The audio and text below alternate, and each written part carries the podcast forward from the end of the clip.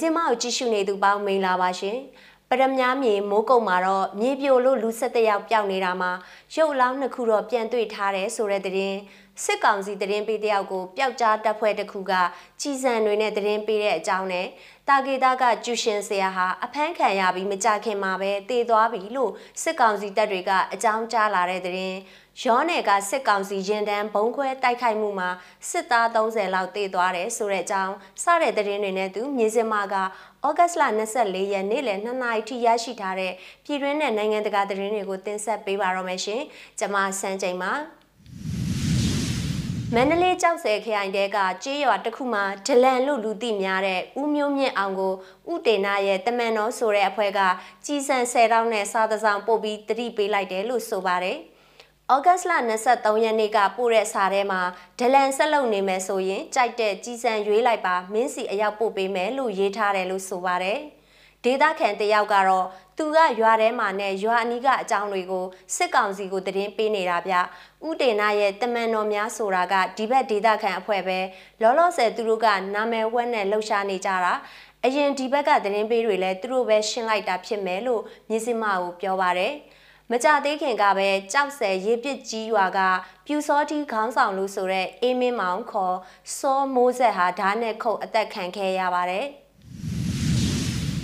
မြေပြိုမှုတွေမကြာခဏဖြစ်ပွားနေတဲ့မိုးကုတ်မြို့မှာဒီကနေ့မနက်အစောပိုင်းကမြေပြိုမှုတစ်ခုထပ်မံဖြစ်ပွားခဲ့ရာရုပ်အလောင်းနှစ်ခုကိုဒေသခံလူမှုကူညီရေးအဖွဲ့တွေကကနအူးတွေ့ရှိထားပါတယ်။လူကိုပျောက်ဆုံးနေတဲ့အတွက်လူမှုကူညီရေးအသင်းတွေကရှာဖွေကယ်ဆယ်ရေးလုပ်ငန်းတွေကိုဆက်ပြီးလှုပ်ဆောင်နေပါတယ်။မန္တလေးတိုင်းမိုးကုတ်မြို့အနောက်ပိုင်းအောင်တစ်လင်ရက်ကွက်မှာဒီကနေ့ဩဂတ်လ24ရက်က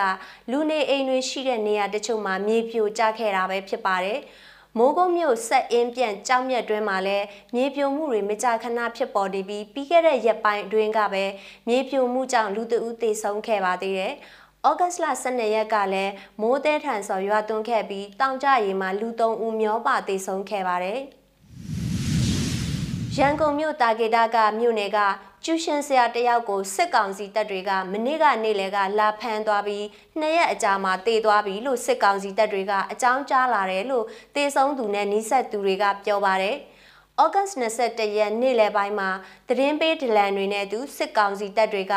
တာဂေတာ9ရက်ကွက်အောင်တပြေအနောက်လေးလဲမှာရှိတဲ့နေအိမ်ကိုအင်အားအလုံးရင်းနဲ့ဝင်ရောက်ဖမ်းဆီးခဲ့တာလို့ဆိုပါတယ်။ ဖမ်းဆီးခံထားရတဲ့ကျူရှင်ဆရာကိုကျော်ခိုင်တေဆုံးပြီဖြစ်ပြီးတော့အလောင်းလာထုတ်ယူဖို့မနေ့ကဩဂတ်23ရက်ညဦးပိုင်းမှာစစ်ကောင်စီဘက်ကဆက်သွယ်လာတာဖြစ်တယ်လို့သိရပါတယ်။ရောနယ်မှာတော့စစ်ကောင်စီတပ်တွေအလူးလဲခံလိုက်ရပါတယ်။။ ဩဂတ်23ရက်နေ့ကစကိုင်းတိုင်းဒေသကြီးကံကောကလေးလမ်းမကြီးပေါ်မောင်းနှင်လာတဲ့အကြမ်းဖက်စစ်တပ်ရဲ့ရင်တန်းဟာပျောက်ကြားတပ်ဖွဲ့တွေရဲ့ဘုံခွဲတိုက်ခိုက်တာခံလိုက်ရပြီးအယောက်30လောက်သေတယ်လို့ဆိုပါရယ်။စစ်ရင်တန်းဟာကားရှစ်စီးပါတာမှာ3စီးဘုံထိသွားခဲ့ပြီးဒဏ်ရာရတာလဲ15ယောက်လောက်ရှိတယ်လို့ရောဒေတာကာကွယ်ရေးတပ်ဖွဲ့ YDF ကသူတို့ရဲ့ Facebook စာမျက်နှာမှာဗီဒီယိုဖိုင်အနေနဲ့ထုတ်ပြန်ခဲ့တာပါ။ ရောဒေတာကာကွယ်ရေးတပ်ဖွဲ့ YDF ရဲ့တာဝန်ရှိသူတယောက်က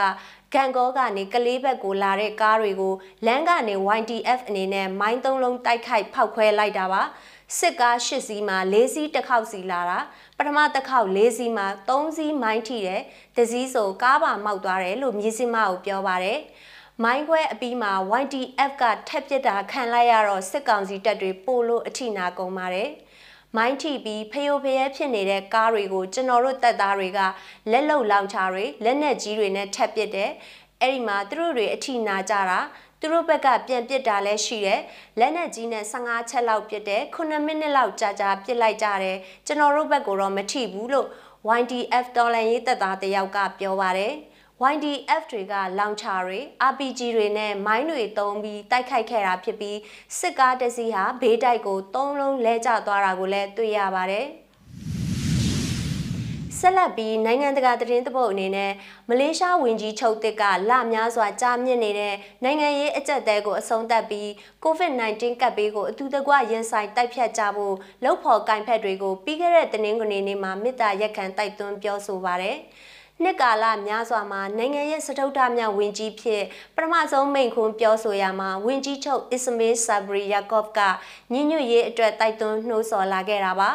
အရင်အစိုးရပြိုလဲသွားရပြီးနောက်ရက်ပိုင်းအတွင်းမှာအစ္စမေးဆာဘရီယာကော့ဖ်ကကတ်ဘေးကနေနိုင်ငံပြန်လည်ဥမော်ရေးမှာကူညီထောက်ပံ့ကြဖို့ညီညွတ်ကြရေးအတွက်လွတ်တော်အမတ်တွေကိုတိုက်တွန်းခဲ့ပါတယ်။နိုင်ငံကိုထိုးနှက်နေတဲ့နိုင်ငံရေးအကြက်တဲဟာပြည်သူတွေကြားမငြိမ်သက်မှုတွေကိုဖြစ်ပွားနေစေတယ်လို့အသက်63နှစ်အရွယ်ဝင်းကြီးချုပ်တစ်ကဩဂတ်22ရက်ညနေပိုင်းမှာရုတ်တံကနေမိန့်ခွန်းပြောခဲ့တာဖြစ်ပါတယ်။ ကျွန်တော်တို့ကိုရှစ်ဆက်လှုပ်ဆောင်ခွင့်ပေးပါနိုင်ငံရေးအာဏာလုတာတွေကိုဟန်တာခွင့်ပေးပါလို့သူကပြောပါတယ်မလေးရှားနိုင်ငံဟာအစိုးရရဲ့ကပ်ဘေးကင်တွယ်ပုံကိုပြည်သူတွေရဲ့မကျေနပ်စိတ်တွေကြီးထွားလာတဲ့ကြားမှာပဲလပေါင်းများစွာနိုင်ငံရေးအကြက်တဲဆိုက်ရောက်နေခဲ့တာပဲဖြစ်ပါတယ်။ COVID-19 ကူးစက်ပြန့်နှံ့မှုရပ်တန့်ရေးအတွက် lockdown တွေချရာကနိုင်ငံတော်ဝန်ကစီးပွားရေးလုပ်ငန်းကိုင်ငန်းတွေမဖြစ်မနေပိတ်ခဲ့ရတာကြောင့်ပြည်သူထောင်ပေါင်းများစွာအလုတ်ကင်ဆုံးရှုံးကြရပါတယ်။ဒါပေမဲ့အစိုးရလုပ်ငန်းစဉ်တွေဟာကပ်ဘေးတက်တာလျော့ပါအောင်မစွမ်းဆောင်နိုင်ဘူးလို့အများစုကဝေဖန်နေကြပြီးနေ့စဉ်ယောဂဘိုးကူးစက်သူ2000ကျော်နဲ့သေဆုံးသူရာနဲ့ချီရှိနေတာဖြစ်ပါတယ်။ မြစင်းမရဲ့ဩဂတ်စ်လ24ရက်နေ့လယ်2နာရီထိရရှိထားတဲ့သတင်းတွေကိုတင်ဆက်ပေးခဲ့တာပါကြည့်ရှုအားပေးတဲ့အတွက်ကျေးဇူးထူးတင်ရှိပါတယ်မြမပြည်သူတွေဘေးအန္တရာယ်ပေါင်းကကင်းဝေးကြပါစေရှင်